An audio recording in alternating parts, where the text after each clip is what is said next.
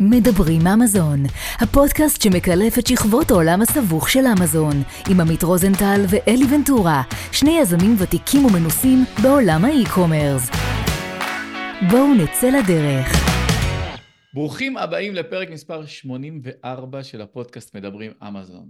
אני אלי ונטורה, עמית רוזנטל כאן איתי. מזכיר לכם שאפשר לשמוע אותנו בספוטיפיי, גוגל פודקאסט, אפל פודקאסט ולראות אותנו בערוץ שלנו ביוטיוב. אה, מה קורה עמית? בים, אלי, מבסוט מהחיים, הכל. אתה זורם מלח על המזג אוויר החורפי שיש לי באירופה. כן, כן, ממש לא, סך הכל אה, הכל טוב, אנחנו שמחים, אה, הכל רגוע. פגז, ספר לנו, ספר לנו במה זכינו היום. וואו, אז היום אנחנו עם מישהו שהרבה מאוד זמן קרקרנו אחריו, או קרקרתי אחריו, אני אגיד את זה ככה. אה, באמת, אני מחזיק מהבן אדם מאוד מאוד מאוד, אז uh, מצפה פרק טוב, אני מקווה. גבי וייסמן, גבי הוא בחור כארז, uh, מנהל מותג משלו, מנהל מותג למישהו אחר, ומנהל קהילת בוגרים של נגב פריים, שהיא בגדול תוכנית יזמות של אוניברסיטת באר שבע. אז גבי, ברוך הבא, ומאוד מאוד שמחים שאתה איתנו. יאללה, נעים מאוד, שמח שהגענו לפה באמת, כולם פה אנשים עסוקים, עד שהצלחנו להיפגש.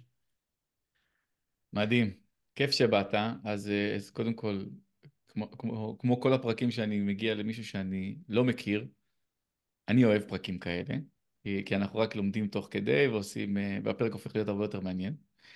אז אה, נעים מאוד גבי, ובוא קח אותנו חצי שנה לפני שאתה נכנס להרפתקה האמזונית שלך או של מישהו אחר, מה, מה, מה אתה עושה באותה תקופה ומה גורם לך לקפוץ? יפה, אז אני אתחיל את הסיפור וככה גם uh, נתגלגל מאיך הגעתי מנגב פריים ומה זה ואיך הגעתי בכלל לתחום. אז uh, קודם כל קוראים לי גבי וייסמן בן 29 במקום מאשדוד. Uh, בדיוק סיימתי את לימודיי כסטודנט להנדסת מכונות באוניברסיטת בן גוריון. עכשיו ובעצם... סיימת או אז סיימת? עכשיו סיימתי בדיוק. אוקיי.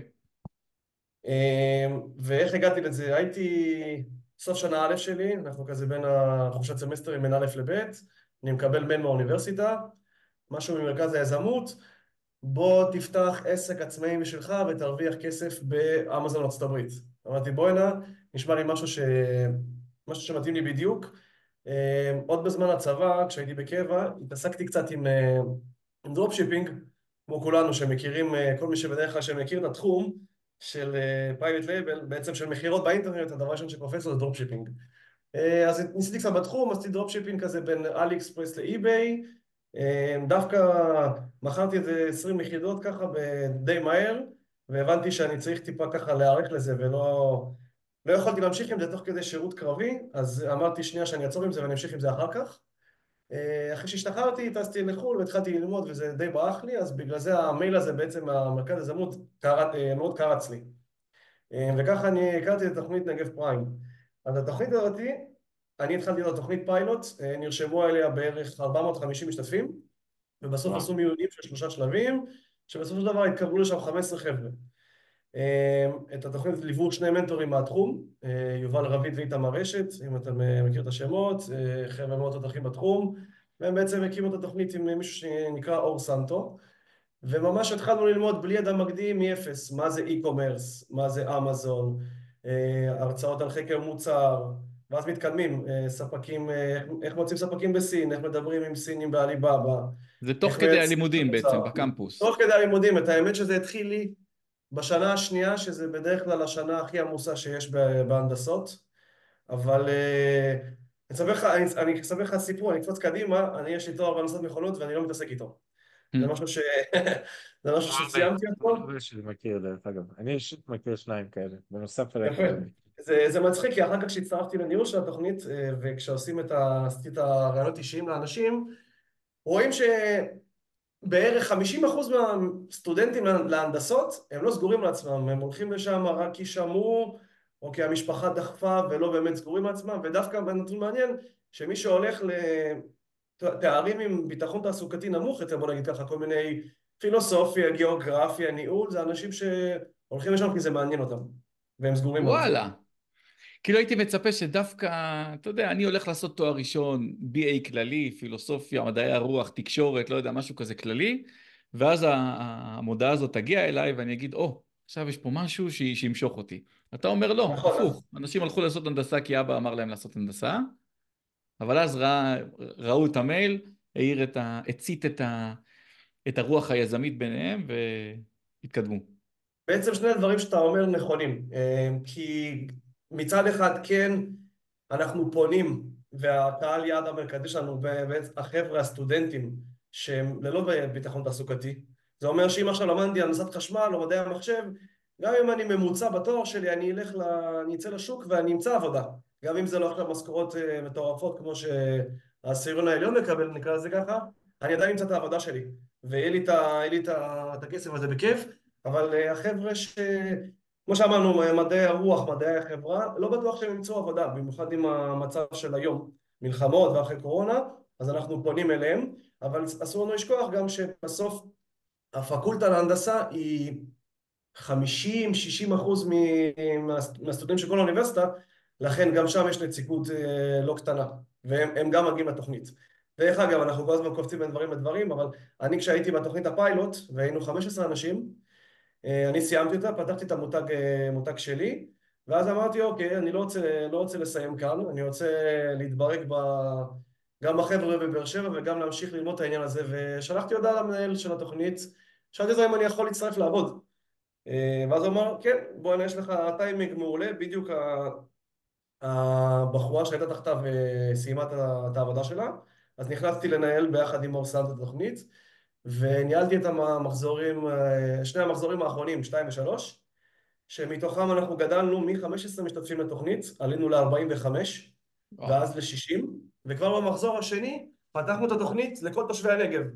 זה אומר כל מי שמעל גיל 18 ונמצא בערך בגבולות בין אשקלון לדימונה יכול להיכנס לתוכנית אה, וללמוד את התחום הזה ולפתוח את החנות בשביל עצמו וראינו דווקא הצלחות יפות והצטרפו אלינו גם אה, ספונסרים בין הספונסרים המרכזיים שלנו זה אה, בנק הפועלים בין אם זה הסניף העסקי של באר שבע שאנחנו בקשר מעולה איתם והם מביאים הלוואות בתנאים מעולים שלא לא רואים אותם בשוק היום לבוגרי התוכנית ובין אם זה הבנק עצמו שתורם... אה, רגע, רגע, עזוב, אתה עושה בילדאפ לתוכנית, נדבר עליה בסוף, נשמע את סופר מסקרנת. זה עולה כסף? רק אני שואל, להירשם לתוכנית, התוכנית עולה כסף, אבל זה נטו בשביל הדמי רצינות, היא עולה לסטודנטים 750 שקלים ו-1250 לתושבי נגב, מי כמוכם יודע שהסכומים האלה הם פירורים לגמרי לעומת כל מה שהם מקבלים שם. אוקיי, בוא נחזור רגע חזרה. באיזה שנה זה היה, הפיילוט? זה היה שנה שנייה שלי, זה היה לפני שלוש שנים. שלוש שנים, כלומר 2021, סבבה. אז אנחנו ב-2021, אתה עושה את הפיילוט הזה, מתלהב, לומד, לומד את כל השלבים של אמזון. במהלך הקורס אתה מחפש מוצר? אתם לומדים private כן. לייבל אגב? לומדים אה, מוכוון private label עם sourcing בסין. אוקיי, מגניב. אז מה עושים? אה, אנחנו עושים את החקר מוצר, אתה יודע, בדרך כלל הרוב מתחילים מהתחביבים שלהם. ואז אני מגיע ופוסלים את המוצר על כל מיני דברים, כל מיני סיבות, אתה מכיר? ROI, עונתיות, תחרותיות, שוק גדול מדי, שוק קטן מדי. ועושים חיפוש, חקר מוצר, למרות שזה משהו שהוא מאוד קשה ועד שאישרו את המוצר לקח לי בערך חמישה חודשים למדתי הרבה, הגעתי, מ... הגעתי למלא, למלא מוצרים ואיך שאחד מהמנטורים שלנו אמר לנו אה, יש דבר כזה שנקרא מבחן ארוחת השישי. אם אתה מספר על המוצר שלך בארוחת שישי, וכולם אומרים, מה זה הדבר הזה, בחיים לא שמעתי עליו, רוב הסיכויים שזה מוצר מעולה. כי אז הנישה היא לא בפוקה. אשכרה. כן, אז אה, בסוף, בסוף הגעתי, התחלתי מתחביבים, מדברים שאני אוהב, פסלו לי הכל, התחלתי לחפש באינטרנט, פינטרסט, פייסבוק, גוגל טרנדס, אה, כל הדברים הידועים. אמ, שוב פעם פסלו לי הכל פעם אחרי פעם אחרי פעם, ש... שצריך להגיד שזה, זה שפוסלים לך זה דבר מעולה, כי חסכו לך המון זמן וכסף. אמ, והרבה כיף שיכול... למה פסלו לך? כי אולי אנשים רוצים לשמוע ולחתום גם על זה במקרה ולפתוח להם את הראש קצת. אמ, בגלל שזה מוצר ראשון, אז הגדירו לנו קריטריונים שהם יחסית, אה, בוא נגיד לך, מקבילים. מוצרים בין 20 ל-80 דולר, מוצרים שהם לא עונתיים, זה אומר מטריה או כזה ביץ' אה, טאוול, אה, שהנישה לא רוויה מדי, אנחנו עובדים עם, אה, אנחנו עובדים עם כלים של אליום 10, אז uh, כשאני מחפש מוצרים ואני מסנן אותם לפי revenue, אז המטרה שלי היא להתברג בשליש עליון של הטבלה. זה אומר שכמובן אני לא רוצה עכשיו לנגוס מול המתחרה המרכזי, אבל עכשיו אם כולם בעמוד, בעמוד הראשון ויש להם אלפי ביקורות וכולם מוכרים בצורה חזקה מדי ואין לי פה אפילו אופציה להיכנס, אז הנישה היא חזקה מדי. אה, מצד שני גם צריך שלנישה איזושהי, איזשהו מקום שאני אוכל להרוויח, זה אומר שאם כל הנישה בעמוד הראשון היא 300 אלף דולר והשחקן הראשון לוקח 70% מהשוק, אז אין לי מה להיכנס לשם, כי הנישה קטנה מדי ויש שם שחקן מרכזי אחד. כל, ה, כל הפרמטרים האלה אה, צריך, צריך לחפש עד שמגיעים למוצר המושלם ש, שישתלם. עכשיו כמה פעמים שמענו במהלך הפרקים אנשים שאירחנו וסיפרו לנו על זה שהם הביאו מוצר לאמזון, לא מוצר נכשל. ואז הם עשו עוד פעם וזה, עשו מחקר שוק, הביאו מוצר וזה. ופה הוא אומר משהו של, של לא נראה לי ששמענו עם אף אחד שלמד בשום קורס בישראל או בחו"ל. פסלו לי. וזה עוד פעם פסלו לי. כלומר, אני חושב שדווקא, אני לא יודע אם אתם עושים את זה גם היום, אבל התוכנית פיילוט הקטנה הזאת של 15 אנשים שלמדו, אה, וזו קבוצה יחסית אינטימית, ובא מישהו ואשכרה פוסל לך מוצר, מישהו שעשה דבר או שתיים בחיים ופוסל לך את המוצר, לדעתי זה ערך מוסף מטורף. אין ספק, אה, גם בתור מישהו שהיה שם וגם זה שהצטרפתי אחר כך לניהול של התוכנית, אני תמיד הייתי אומר למשתתפים שהמנטורים פה זה רשת הביטחון שלך. זה שמישהו יש לו ניסיון בתחום ואמר לך לא, הוא חסך לך ים כסף וזמן. אני יכול להביא לך דוגמה קטנה שאחרי ארבעה חודשים מצאתי מוצר שזה בעצם היה כזה, כמו כזה תיק לפיקניק שאפשר להוסיף לשם הרבה מוצרים. אה, הלכתי לספקים מעליבאבא, בדקתי את הנישה, הכל היה נראה מעולה, הרוע היה טוב ואנחנו עובדים כזה מחשבון לחישוב הוצאות שהוא מחשב לך שם גם storage וגם את השילוחים דרך רוזנטל, סתם, כל, כל הדברים האלה ו-PPC והחזרות ויש שם גם את העניין של, ה, של המיסוי, כמה אתה משלם, אה, כמה אתה משלם מכס כניסה לארצות הברית. ויש שם איזשהו מחיר אה, שהוא די קבוע כזה, 10-15 אחוז והכל נראה לי טוב. ואז באתי ל mentorship, אחד על אחד עם מנטור ואז הוא אומר לי רגע, לך תשיג מהספק בעליבאבא את ה- HTS code ותבדוק כמה, כמה התעריף, כמה המכס. וואו. ואז אני רואה שהמכס הוא על תיקים, יש את המכס טראמפ שהוא הוסיף עוד 50 אחוז.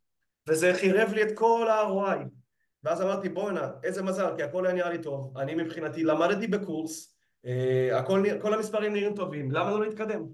ואם לא היה לי את המנטור הזה שיגיד לי לא. אז אה, הייתי מופתע מזה. ואתה יודע כאילו כמה הייתי מפסיד אז.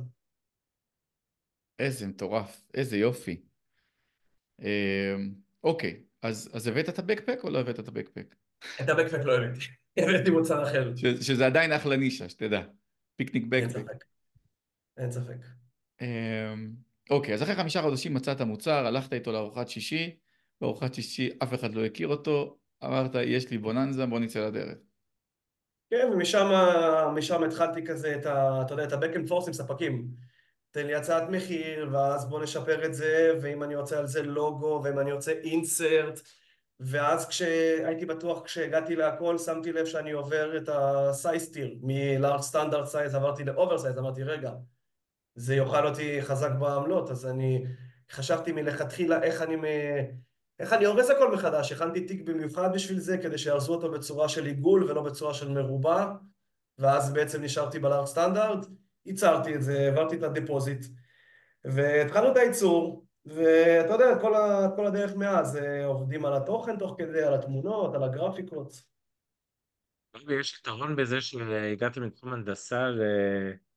לעבודה מול הספקים, לעיצוב, לשינוי, לזה, לאיך, לככה? כאילו, לקחת משהו ממה שלמדת בנושא הזה? כן, אין ספק. אה, אני מתעסק עכשיו, גם כשאני התעסקתי במוצר שלי וגם עכשיו את המותג שאני אה, מנהל, הידע הזה בהנדסה הוא תרם לי הרבה. למרות שאנחנו יודעים שאנחנו לא עובדים עכשיו, לא מייצרים עכשיו איזשהו אב טיפוס או איזה פטנט ועובדים מאפס מול הסינים, אבל ההבנה איך לעשות מנגנונים או איך לצייר להם או איך להסביר להם איך אני רוצה את המוצרים, אז זה, זה עוזר פה. זה עוזר לי יפה מאוד, ואני יכול לראות, אני עובד בדיוק היום על עוד מוצר, אה, עם עוד מותג, ואני יכול להגיד לך שבאתי הרבה יותר מוכן, ואם עכשיו הייתי מתבחבש עם הסינים בעליבאבא או בוויצ'ט, תעשה לי ככה ותעשה לי ככה, והייתי מסביר לו במילים, היום אני יכול לשרטט לו גם שרטוט בסוליד, שזה תוכנת מידול תלת מימד, להביא לו את המידות, ואז אתה יודע, ברגע שזה שרטוט ייצור, אין לך שתי פנים להבין את זה. הכל מובן, הסינים מבינים את זה, וזה עושה לי חיים הרבה יותר פשוטים. אה, ואין ספק שזה עזר לי, התחום הזה. איזה יופי. אז הצענו את המוצר, אלף יחידות? חמש מאות יחידות? כמה? אלף... אלף, אלף מאתיים יחידות, משהו כזה. יפה. המוצר מגיע לאמזון, מה עכשיו? הליווי ממשיך אגב שהמוצר מגיע לאמזון? איך עושים השקה, איך עושים uh, אה, PC וכאלה? כן, כן, אנחנו, אנחנו מסיימים את, ה, את התוכנית uh, כולל איך משיקים, איך עושים PPC ואיך מנהלים את המחיות הראשונות, שם בעצם הקורס נגמר. Uh, מכניס את המוצר, תוך כדי שהוא היה בייצור אני עברתי על כל התוכן, אבל עשיתי חקר מילים, הכנתי כבר את כל הקמפיינים PPC, חרשתי את כל האינטרנט וסרטונים ביוטיוב, אתה יודע, יש כל מיני אסכולות איך לעשות PPC, וזה תורה בפני עצמה, אה, עולם ענקי, אה, והתחלתי במוצר, התחלתי, אה, התחלתי בהשקה שלו, בין אם זה להוריד מחיר, אתה יודע, שאני מנסה להיות, להישאר בבריק איבן כדי שאני אתחיל להוסיף מכירות וכדי שה-BSR שלי ירד בקטגוריה, כאילו שאני אגיע כמה שיותר למקום הראשון ולאט לאט לצבור ביקורות ולרוץ חזק על ה-PPC. אבל אני שומע בקול שלך שלא התפוצצת. נכון, אין ספק. המוצר היה ברמת הברק איבן, אמ, אפילו אחרי זה כשנשארו לי כמה יחידות אחרונות אה, הרצתי עוד PPC רק כדי למכור אותו.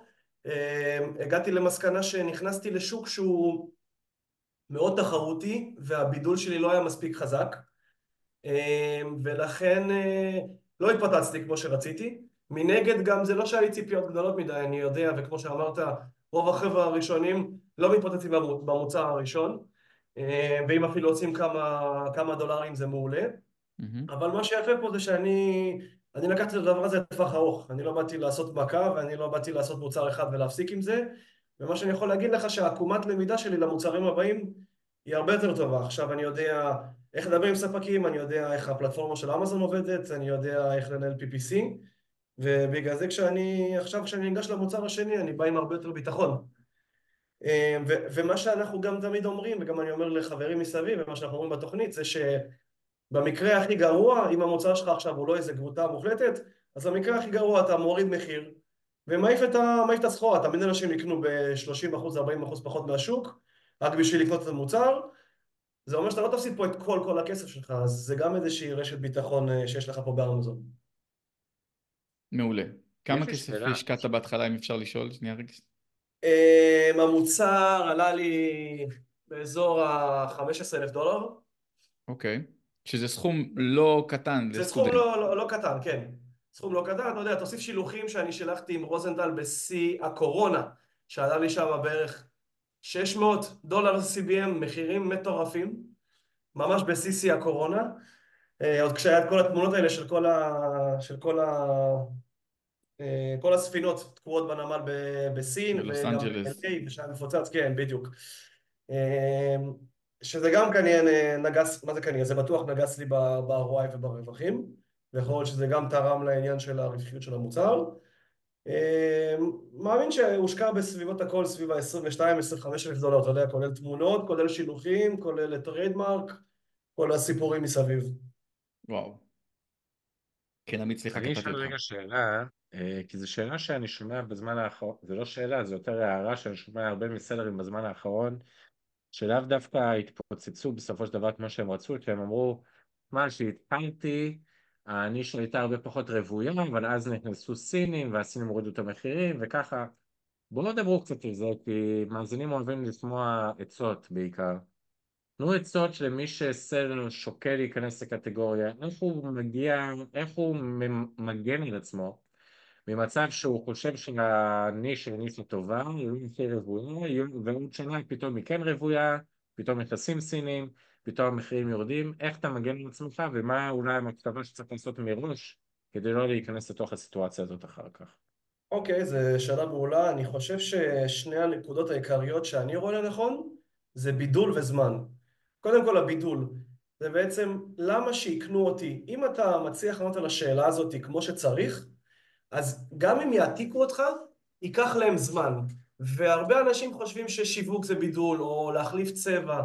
זה לא באמת בידול אמיתי, כי כמו שאמרת, אה, מתחרים, או אפילו סינים, אם תעשה עכשיו צבע שונה, אה, יכולים לעשות את זה בלי בעיות. המת... המטרה שלך זה לענות על ה... אם אנחנו הולכים באמת מלכתחילה לעשות חקר שוק כמו שצריך, זה לענות על כאב שיש כלשהו ללקוחות. אם אתה עונה על כאב שיש להם, אם אתה משלב שתי מוצרים או שתי פונקציות במוצר אחד, אם אתה מביא איזשהו ערך מוסף אקסטרה ומציג את זה בליסט, כי אם עכשיו עשית משהו, אם עכשיו עשית שיפור, אלף שיפורים ולא הצלחת להציג את זה בתמונות, מבחינת הלקוח לא, לא שיפרת את זה. אז אני חושב שהבידול פה הוא רעיון, הוא מאוד קריטי, וגם אם צריך להשקיע בזה או קצת זמן או קצת חשיבה, זה מאוד קריטי. והעניין השני זה הזמן. אם עכשיו, כמה שאני אכנס יותר מהר לשוק, ככה יקנו אותי יותר, ככה גם אני אוכל לקבל את הביקורות ואת הפידבק מהלקוחות ולשפר את זה לייצור הבא. אמ, אנחנו רואים את זה גם במוצרים שאנחנו עושים. אם אתה עכשיו לוקח לך הרבה, הרבה זמן, חודש ייצור ועוד חודש בים ועוד חודשיים לחשוב על הדברים ובלבושים בדרך וכל מיני uh, תקלות, ככל שתיכנס יותר מהר לשוק, ככה אתה תגיע לשוק uh, עם פחות מתחרים ופחות יעתיקו אותך. במיוחד אם אנחנו מדברים על שווקים uh, שהם חדשים וגדלים. אז, אז היה את השוק של הספינרים. אם היית חושב יותר מדי ונכנס ונכנס לסיפורים ועד שאתה מייצר ועד שאתה מביא את זה שם והיית נכנס לשוק הספינרים בכמה חודשים איחור אני מאמין שלא היית מרוויח או מתפוצץ כמו כל שאר המוכרים. אני אגיד לך, אני, אני אחזק את מה שגבי אמר וגם זאת הסיבה שאני אף פעם ועכשיו ספציפית באופן מובהק לא עובד עם טרנדים ולא אוהב לעבוד עם טרנדים כי אתה אף פעם לא יודע מה שאתה לא יודע אז אתה חוקר את השוק באמזון, ואתה אומר, אוקיי, יש 30 אה, מתחרים, הכל בסדר, כולם במחירים ככה, כולם, הכל טוב ויפה, אני יכול להתחיל לייצר. ואז אתה מתחיל לייצר חודש ייצור, ואז יש לך עוד, אה, אתה יודע, דור טו דור, 45 או 60 ימי משלוח, אפילו תשלח את זה באוויר, קח 20 יום, אתה אף פעם לא יודע כמה מכולות יש בדרך לאמזון. אתה אף פעם לא יודע כמה מתחרים חדשים עוד לא נכנסו. ואז כשהשוק מגיע, כשאתה מגיע לשוק, השוק נראה אחרת לגמרי ממה שחקרת אותו. זאת הסיבה שאני באופן אישי מעדיף תמיד שווקים מבוססים יותר, שווקים ותיקים יותר, יציבים יותר, ככה אתה יודע איפה הם היו לפני שלוש שנים, איפה הם היום, כמה מתחרים יש, אז נכון, אתה, אתה בשוק שהוא טיפה יותר תחרותי, אבל כמו שגבי אמר, במידה ואתה עושה בידול כמו שצריך, בידול לא סתם כזה, הנה עשיתי מגבת, המגבת הזאת יותר עבה, אלא בידול שאתה באמת יכול להראות אותו בתמונות, ועל אחת כמה וכמה בתמונה הראשית, ולגרום ללקוח לבחור בך, ואז כמו שאתה אומר, ייקח הרבה זמן עד שה, שה, שהסינים יחקו אותך או שמישהו אחר יחקה אותך ואתה כבר תצבור את, ה, את הדירוג האורגני שלך ואת המכירות. נכון, יש לך פה גם את העניין אבל בתור סלר מנוסה כבר, שאתה כבר יכול לראות, אם תהיה עכשיו איזושהי נישה שהיא די חדשה, אז יעלה לך איזושהי כוכבית, איזה שינוי תרזרה, ואז תלך תבדוק את זה גוגל טרנדס, תבדוק את זה במוצרים אחרים, ואז תדע לדעת באמת אם זה נישה חדשה, ואיך לפעול בהתאם. לעומת מישהו שהוא חדש, שרואה את זה, ואז אומר... אה, בוא נראה לי טוב, ועד שהוא כבר ייכנס, אה, כבר הכל ישתנה. ועוד משהו אחד, שיש פה תמיד את העניין של הנרטיב, שאנחנו ישראלים. תמיד הישראלים מחפשים לעשות את המכה. לעשות את המיליונים בפעם אחת, זה משהו שאמרו לנו המנטורים כבר בהתחלה, לא באתם פה לחפש את המכה או איך לעשות מכה, באתם פה להיכנס, לעשות ניתוח כמו שצריך, להכיר את כל המתחרים על בוריים, ולהיכנס לפה לטווח ארוך. לא באת לפה לנגלה אחת, באת ל... לעשות, לעשות מותג ולעשות מוצר אחד ועוד מוצר, ולאט לאט להיכנס ולהתברג בשוק, אה, ולעשות מכירות אורגניות כמו שצריך. לבנות מותג. אוקיי, אז הבאת מוצר, המוצר לא התפוצץ כמו שחשבת, אה, הגענו למצב של פלוס מינוס ברייק איבן, אולי הרווחת כמה דולרים. מה השלב הבא? חוזרים חזרה ולא מהנדס מכונות? אה, תוך כדי המשכתי בתואר של הנדסת מכונות, אמרתי לך שהצעתי את עצמי לעבוד בתחום. נכנסתי, נכנסתי לנהל את, ה, את התוכנית, ו, ואז נכנסתי, בעצם חייתי ונשמתי אמזון 24/7, כי גם אני מתעסק בזה עם ה-private label שלי, גם אני עובד בזה, ובעצם אה, בגלל שזה מרכז יזמות, אנחנו כל הזמן מנסים לשפר את התוכנית ול... לשפר את התוכנית ולשפר את התכנים, אז כל הזמן נשמתי את העולם הזה. נכנסתי לקבוצות בפייסבוק, הכרתי אנשים, דיברתי איתם, אנחנו מביאים כל מיני מרצים מולכים, השם שלך עלה כמה וכמה פעמים, בגלל זה אמרתי לך שאני מכיר את השם שלך ואני רואה אותך בקבוצות, והתחלנו להביא מרצים וכל מיני תחומים, בין אם זה קורין אלישע, בין אם זה אל קבילי, אה, אה, גיא ארץ, הבאנו, הבאנו הרבה הרבה אנשים, לאט לאט נכנסנו, נכנסתי לעולם הזה יותר ויותר, וראיתי שזה משהו מעניין אותי. ואז תמיד אמרתי לאחד מהמנטורים אצלנו, עידן, אני רוצה לבוא לעבוד אצלך. אני, אני אוהב את החשיבה שלך, אני אוהב את החזון שלך ואת, ה, ואת המוצרים, ואז נכנסתי גם לנהל את המותג, והתחלתי ממש מבייסיק, ואז התגללנו לאט לאט שהייתי מנהל את הלוגיסטיקה, ומהרגע בעצם שהשרשרת ייצור נגמרה, הייתי מנהל את, ה, את כל הסחורה, ו, ואז נכנסתי לעולם של ה-PPC, שזה כמו שאמרתי לך, זה תורה בפני עצמה, ו, וזה מאוד עניין אותי, מאוד קסם לי. גם שנה שעברה טסנו, אני ועידן טסנו לפרוספר, אה, ופגשנו שם הרבה מאוד סלרים וגם נותני שירות, וזה פשוט מראה לך את, ה... את ההזדמנות הענקית שיש בעולם הזה. אף אחד לא בא למכור חלומות, ולא אומרים לך שאתה בא לעשות מיליוני דולרים, אבל הפוטנציאל פה הוא עצום, הקורונה הראתה את זה, אה, שהיא שילשה באותה שנה את כל הקניות באינטרנט, וראינו את זה אפילו פה בארץ. כל מיני אה, נותני שירות ואפילו משרדים ממשלתיים שהיית צריך לקבוע תור חודשים מראש פתאום אה, מתגמשים ופותחים אתרים באינטרנט ואתה לאט לאט עוברים לכל הדיגיטל אה, זה הראה לי פה את כל הפוטנציאל וזה משהו שאני רוצה להמשיך להתעסק בו ואני ממשיך לעסוק בו גם היום. מדהים. האם בשלב מסוים אתה חוזר חזרה לייצר מוצר מעצמך? זאת אומרת, החיידק הזה זה משהו שיצא מהגוף? בדיוק עכשיו, בימים אלו אני עובד על, על עוד מוצר, ו, ונראה, אני מקווה שעם כל הידע שצברתי עד עכשיו, עקומת למידה, כמו שאמרתי לך, תצטמצם ותהיה שם הצלחה יותר גדולה. אבל לקח לך זמן. זאת אומרת, היה פה פער שלא הרגשת מספיק ביטחון לעשות את זה. תקן אותי אם אני טועה. לא שאני מספיק ביטחון, אני אמרתי שאת הזמן הזה, עד למותג הבא, אני רוצה להשקיע את הזמן הזה בלמידה. ובזה שהצטרפתי לחברה של עידן, נחשפתי קודם כל ל scaleים הרבה יותר גבוהים. בין אם זה שניהלתי מוצר אחד אצלי, לבין 10-15 מוצרים עם איזה 30-40 SKUs שונים, זה, זה עבודה ב volume יותר גבוה, ונוגעים ב, נוגעים בהרבה יותר סחורות, ובגלל שנוגעים בהרבה יותר סחורות אתה פתוח להרבה יותר תוכנות ולהרבה יותר אנשים ב-level גבוה, ו... וזה הביא לי הרבה מאוד ידע, ואני, ואני בטוח שזה יעזור לי למותג הנוכחי, ו, ולהמשיך לעבוד, להמשיך בעבודה שם. אז היום אתה למעשה במשרה מלאה מנהל את הפעילות? כן. כן. ובמקביל עושה את הנגב פריים. אה, אני שנה שעברה בדיוק סיימתי לנהל את התוכנית, אה, העברתי, העברתי את, ה, את המפתחות הלאה לאחת מהבוגרות של התוכנית, אה, שקוראים לה שיר, שהיא תותחית בפני עצמה והיא מנהלת היום, ואני לקחתי תפקיד שהוא יותר קליל, שזה מנהל של הקהילת בוגרים. עוד מה שיפה בתוכנית הזאת, שזה לא שאנחנו מסיימים שנה ואז אה, כל אחד הולך לדרכו, יש לנו קהילת בוגרים שאנחנו עושים הרצאות ויש לנו קבוצות בוואטסאפ ואנחנו עושים עדיין את השיתוף ידע. בין הדברים החשובים זה שיתוף ידע. אם עכשיו לי יש בעיה, אחרים כנראה שנתקלו בה, ואם יש לי נותן שירות שאני עובד איתו, צלם, מעצב ומשלח, אנחנו משתפים אחד את השני, וזה עוזר לעסקים לצמוח. ושזה בעצם אחת מהמטרות העיקריות של התוכנית, לפתח את הכלכלה בנגב. יש הרבה חבר'ה שנשארו גם בבאר שבע אה, ומנהלים את העסק שלהם משם. איזה יופי. אתה עדיין בבאר שבע או שאתה... כן, אני נשארתי, חתמתי קבע עוד ארבע שנים בבאר שבע, אה, הבת זוג שלי התחילה ללמוד פה, אה, אז אני פה לעוד, לעוד קצת, קצת זמן, מה שנקרא. אבל זה, זה, זה הקסם למעשה גם באמזון או בכלל בעולם האי-קומרס, שאתה יכול לנהל אותו מכל מקום בעולם. נכון. אה, גם אם זה במדבר, אבל, אה, אבל זה גם הכוח של התוכנית. נכון, אפרופו לנהל אותה בכל מקום בעולם, אז uh, טסנו כל החברה של עידן בספטמבר, אוקטובר האחרון לתאילנד, ובאנו לשם ועבדנו על יעדים לשנה הקרובה, ולצערי לא סיימנו, לא הספקנו לסיים בגלל שהוקפצנו למילואים. אה, עם הסיפור של השבת השחורה, כן, אני חזרתי, באותו יום שהייתי את הכרטיס, וכבר ב-8 באוקטובר ב-10 בבוקר כבר הייתי על מדים.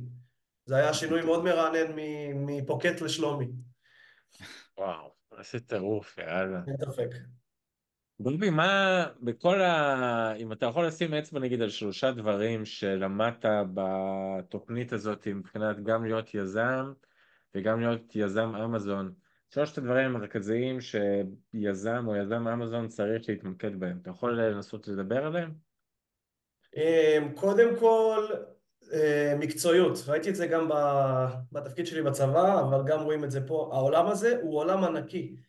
אתה נוגע פה גם בחקר מוצר, אתה נוגע פה גם בשיווק, גם בפרסום, גם במיתוג, גם בייצור, גם בשילוח, וכל תחום, יש אנשים שזה כל החיים שלהם, אבל המטרה שלך זה לדעת אה, קצת מהכל ולהתמקצע בהכל, וככל שתשאל יותר שאלות ויותר תלמד, ככה אתה אה, גם תתפתח בתור עצמך, וככה גם אה, הסיכויים שלך להצליח בעסק הם יותר גדולים, כי הסיכוי שלך להיתקל במשהו שאתה לא יודע, או פתאום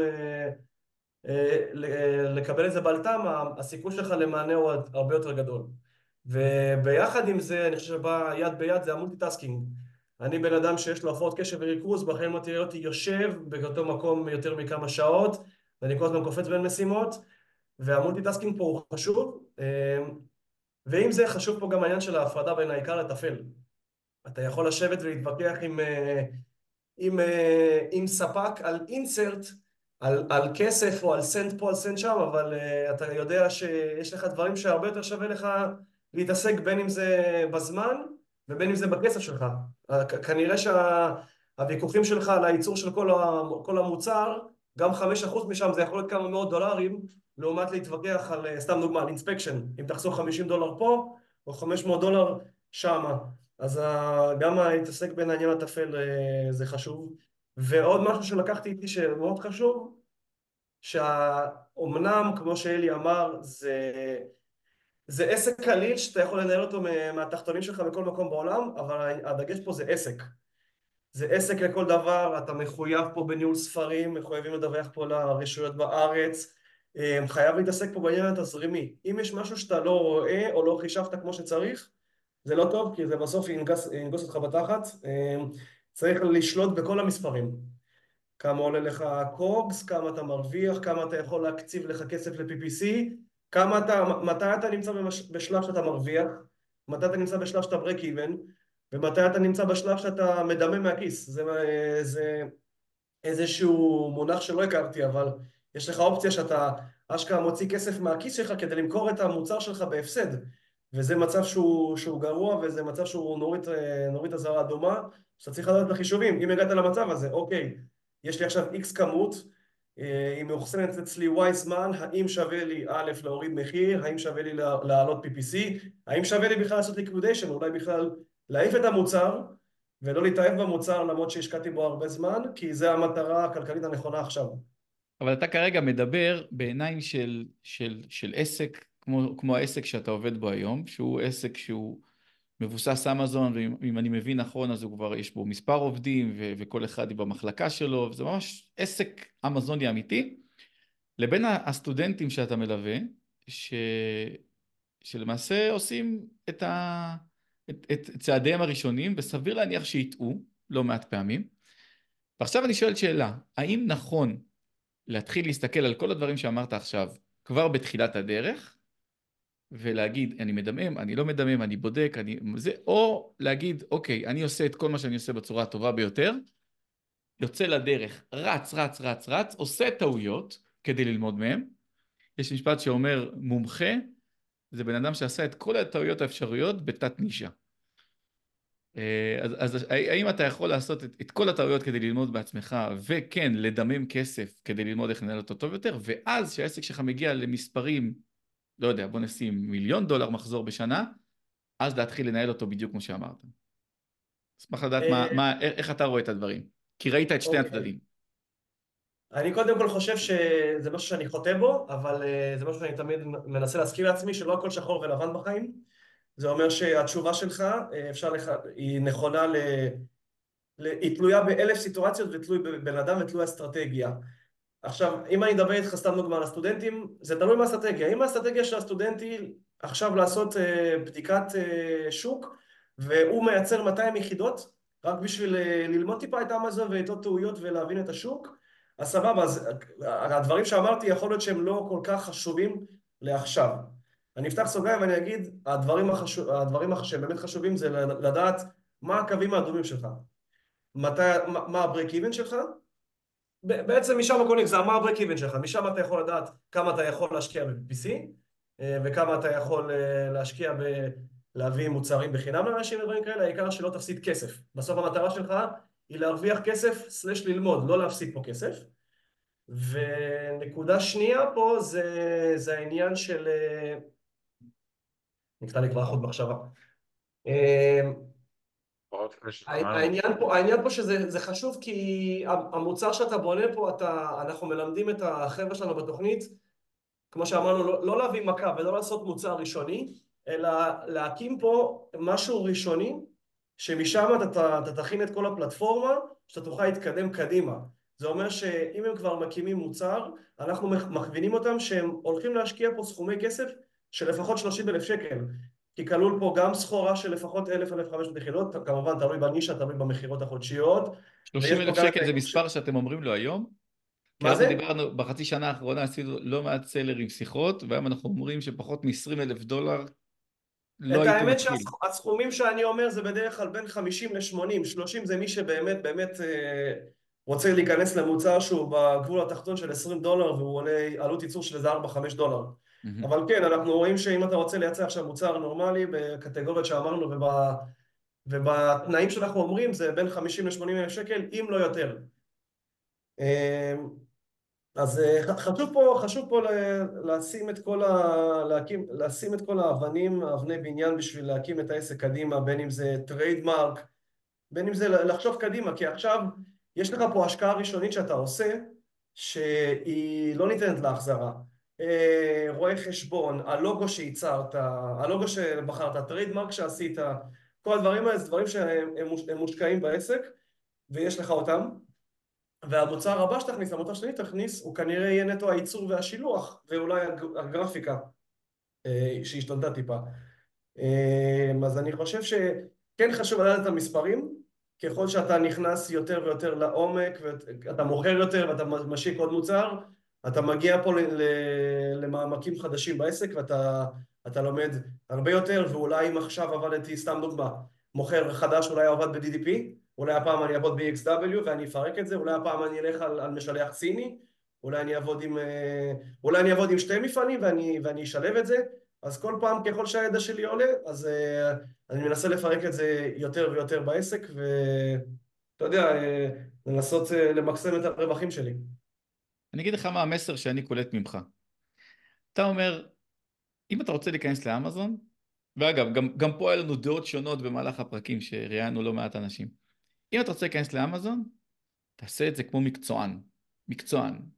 תלמד כמו שצריך, תקבל חוות דעת על המוצר שלך מכמה אנשים אולי, מכמה מנטורים, תקבל go או no go, תעשה בידול כמו שצריך, תעצב את המוצר כמו שצריך, תעשה trademark, יש הרבה אנשים שאומרים, טוב בוא נראה אם המוצר יגיע, אחר כך אם הוא יצליח נעשה trademark. לא, תעשה trademark, תעצב מוצר כמו שצריך, תעשה לוגו כמו ש... תעשה הכל ממש ברמה הגבוהה ביותר, עד המספרים.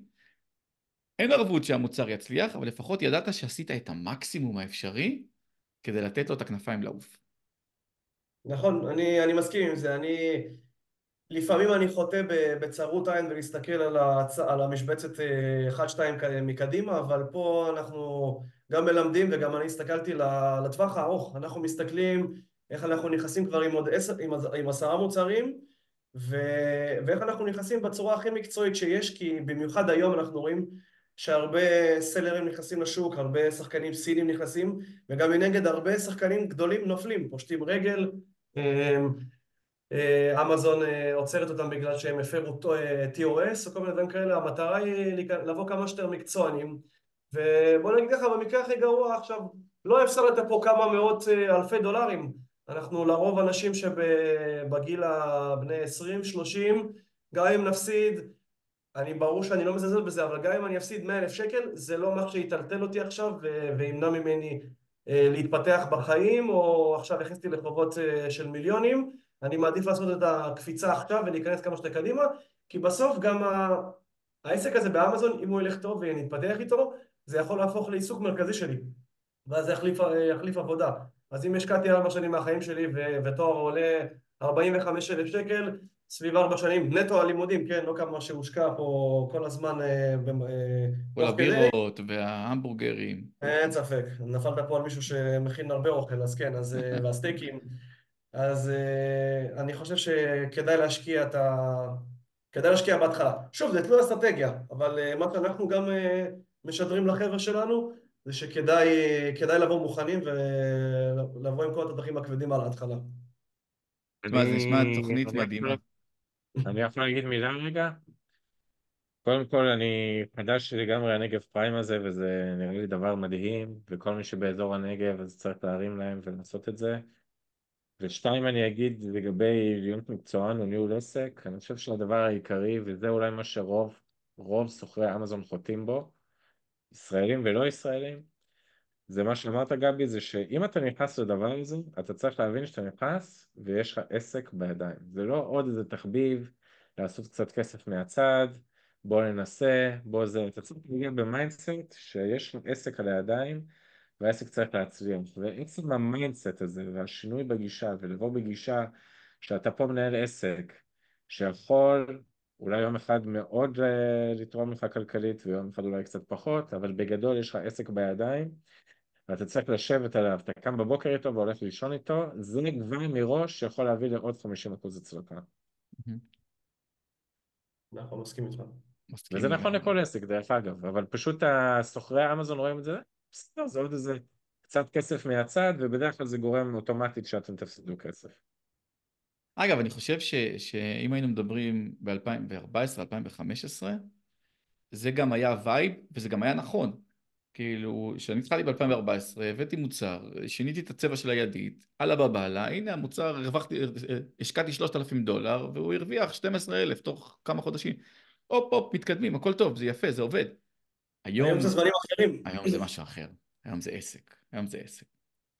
תגיד, אם אני, אה, אם אני רוצה להיכנס, ל... בואו בוא ניתן בשתי מילים את, ה, את הנגב פריים, איך אני מגיע אליהם, ראיתי שיש אתר אינטרנט מגניב, עדיין מקבלים אה, תלמידים נכון. חדשים? אמ, המחזור הוא מחזור שנתי, זה אומר שני סמסטרים. המיונים אליו נפתחים בדרך כלל לקראת אמצע מאי. Okay. אוקיי. והמחזור מתחיל אוקטובר, זה בעצם מלווה את השנת לימודים. אז כל אוקטובר מתחיל מחזור, בדיוק לפני אה, חודש התחלנו את המחזור הרביעי. אמ, זה אומר שכבר עכשיו אי אפשר להירשם, אבל אה, יש מקום באתר, בסושיאלים, פייסבוק, אינסטגרם, אה, לינקדין, או באתר שלנו, אפשר עכשיו להשאיר את הפרטים. ואז אנחנו שולחים מייל אה, מתי נפתח את ההרשמה של השנה הבאה. ואני צריך או ללמוד בבן גוריון או לגור באזור הנגב. בדיוק, או להיות סטודנט בבן גוריון או לגור בנגב, אה, אחד משתי הדרכים אתה תוכל להיכנס אה, לתוכנית. אנחנו עובדים על שיתופי פעולה, אנחנו כל הזמן מפתחים את העניינים ואני יכול להגיד שהשנה אנחנו גם רוצים לעבוד על איזשהו כנס, לעשות כנס בכל הארץ, אנחנו בדיוק ממש עובדים עליו אז זה ממש בחיתולים, אבל אני בטוח שתשמעו עליו וגם נזמין אתכם עוד להצטרף לשם. ממש החזון של בן גוריון קורם עור וגידים, להפריח את השממה. זהו, המטרה של המרכז היזמות, גם הנשיא הבין כבר שהאוניברסיטה היא, היא לא פה רק בשביל מוסד אקדמי. המטרה של המרכז היזמות הוא להביא סט כלים לסטודנטים שלא בהכרח בתחום לימודים שלהם. יש עוד הרבה תוכניות, יש תוכניות של, שנקרא קקטוס קפיטל, שזה VC, אה, שסטודנטים משקיעים בסטודנטים, אם יש לך רעיון לסטארט-אפ, אתה מגיע לשם, אתה יכול לקבל השקעה. יש לנו תוכנית אואזיס, שזה מאיץ, זה אומר שמחברים לך אה, חוקר מהאוניברסיטה עם סטודנט ומנכ"ל מהתעשייה ובעצם מאיצים אותם לסטארט-אפ. יש לנו תוכנית לידר, שזו תוכנית אה, מצוינות ומנהיגות לסטודנטים. יש לנו כל מיני קהילות, בין אם זה BGR, שיש שם חבר'ה שבונים רכבי מרוץ ומשתתפים איתם בחו"ל, בין אם זה קהילת חלל, אה, יש, יש לנו מעשרות קהילות ובעצם המרכז רק הולך וגדל וזה משהו שמאוד אה, כיף לשמוע ולראות. לגמרי, איזה יופי. גבי, אנחנו מתקרבים לסיום הפרק ויש לנו שאלה שאנחנו שואלים כל אורח שבא להתארח אצלנו. אה, אם היית זוכה מחר בעשרה מיליון יורו נטו לחשבון הבנק, מה היית עושה איתם? וואה, שאלה טובה. Uh, אני חושב ש... הייתי, חלק, חלק מהכסף אה, משקיע אותו אה, בבורסה, וחלק, וחלק מהכסף, אם לא חצי, אז הייתי משקיע ב private label משלי. זאת אומרת שהייתי הייתי, הייתי מחלק אותו גם ב private label שלי, וגם אולי במותגים של אחרים.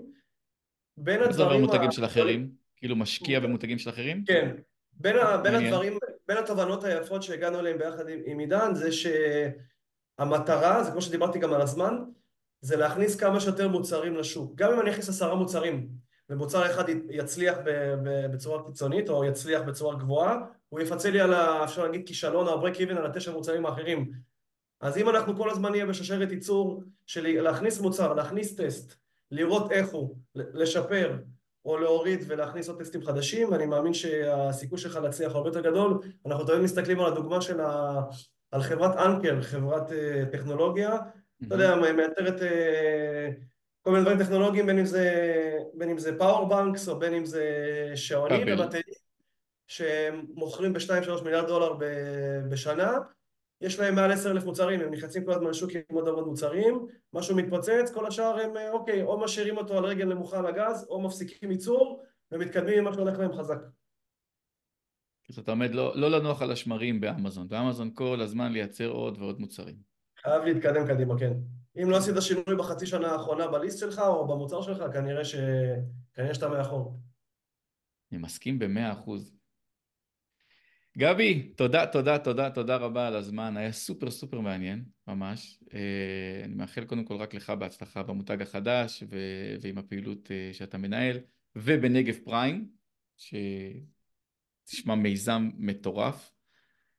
אה, וזהו, יאללה, שנשמע עליך רק הצלחות. בוא נראה אותך שנה הבאה, שתספר לנו איך, הייתה, איך היה המוצר. תודה רבה שאירחתם אותי, וכן, אולי עוד שנה אנחנו נגיע ל... לפידבקים אחרים. פגז. פרק 168, אלי. רשמתי. שם. יאללה, ביי. תודה רבה חברים, אחלה יום, ביי ביי. אחלה יום.